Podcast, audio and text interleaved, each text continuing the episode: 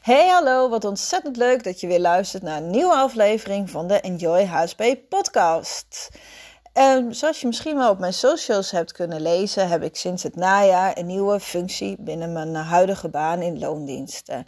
En deze functie uh, is veel meer adviserend en dat past toch echt veel beter bij mij dan mijn vorige functie. En dat was ook echt een hele erg leuke functie, maar die deed ik al binnen dit bedrijf al bijna negen jaar. En toen ik van uh, functie dus ging wisselen, merkte ik eigenlijk pas hoe ik eh, vastgeroest was. Eh, ik wist gewoon precies wat ik allemaal moest doen. En dat deed ik ook gewoon. En juist nu in deze nieuwe functie merk ik uh, dat ik nou eigenlijk heel veel hulp mag gaan vragen. En dat is op zich best wel nieuw voor mij, want ik wist natuurlijk alles al hoe het werkte en ik hoefde niet echt meer hulp te vragen.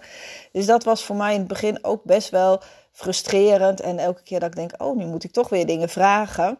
En dat is dan ook echt die bekende leerkuil ingaan. En uh, als je onderin zit te hangen, dat je dan hulp gaat vragen, omdat je dan erkent van, oh ja, alleen lukt me niet helemaal. En dat was voor mij eh, in het begin natuurlijk behoorlijk uh, een, een uitdaging. Zeker als je nou ja, gewend bent dat je eigenlijk niks hoeft te vragen en het allemaal al wel wist. En nou ja, collega's er dan ook wel van uitgingen dat je sommige dingen wel weet. En dat ik dus juist moest aangeven als ik iets niet wist. Dus dat was op zich voor mij een hele leuke, mooie uitdaging. En uh, dat gaat me nu steeds makkelijker af om even hulp te vragen. Als ik denk, ja, maar dit weet ik gewoon niet en hoe zit dit? Uh, juist door dan inderdaad vanuit nieuwsgierigheid te gaan kijken en niet te gaan denken, oeh, help, ik heb hulp nodig. Maar denken van, nee, wat is de oplossing en hoe kan ik dit nu het snelste doen? Uh, ben ik, nou ja, werk ik dat ik me steeds beter op mijn plek aan het voelen ben. En uh, nou, heel vaak heb je natuurlijk met de nieuwe baan dat je er dan wel rekening mee houdt dat alles heel veel energie kost. Maar dat is ook eigenlijk als je een nieuwe functie gaat bekleden binnen je huidige baan. Want uh, in mijn geval ging ik op een andere kamer zitten. Je krijgt andere collega's.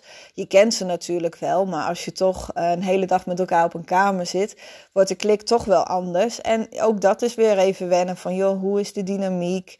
Um, hoe richt ik mijn bureau ook al even in? En nou ja, dat zijn allemaal dingen. Um, nou ja, als je daar uh, echt goed gewend bent, is het normaal, hebben ze uitgezocht, is het ongeveer drie maanden. Nou ja, voor HSP'ers duurt alles gewoon veel langer, omdat je gewoon veel meer waarneemt. Nou, en daarom uh, heb ik, ben ik ook een beetje van een half jaar uitgegaan. Dan heb ik ook echt zoiets van, nou, ik geef mijzelf uh, eigenlijk een jaar de tijd. En dat heeft er meer mee te maken dat er uh, dingen vaak binnen mijn functie zijn die maar één keer per jaar zijn. Dus echt pas na een jaar heb ik alle facetten die er zijn meegemaakt. En kan dan pas hem zeggen van ja, ik, ik voel me nu wel goed op mijn plek.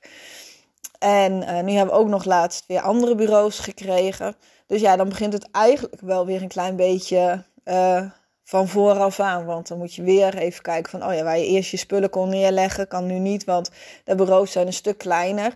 Wel heel fijn, want nu kan ik wat meer staan. Maar ook het beeld dat je had van de kamer is anders, omdat de bureaus anders staan dan dat ze stonden.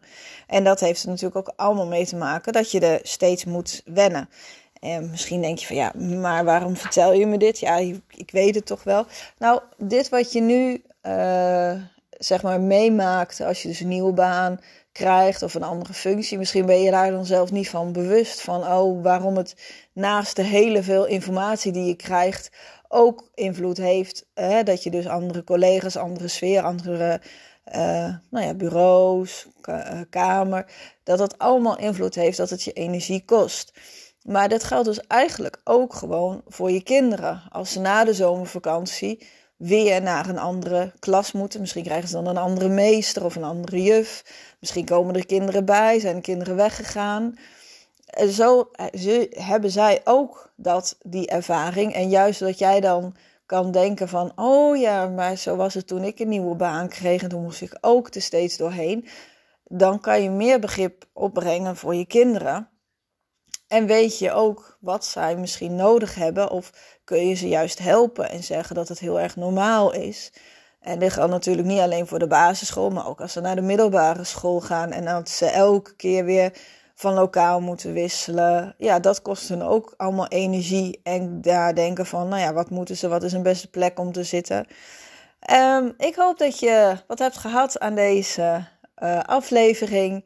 En nou, als je hem heel erg leuk vond, zou ik het leuk vinden als je er een opmerking over maakt. Dankjewel. Doeg!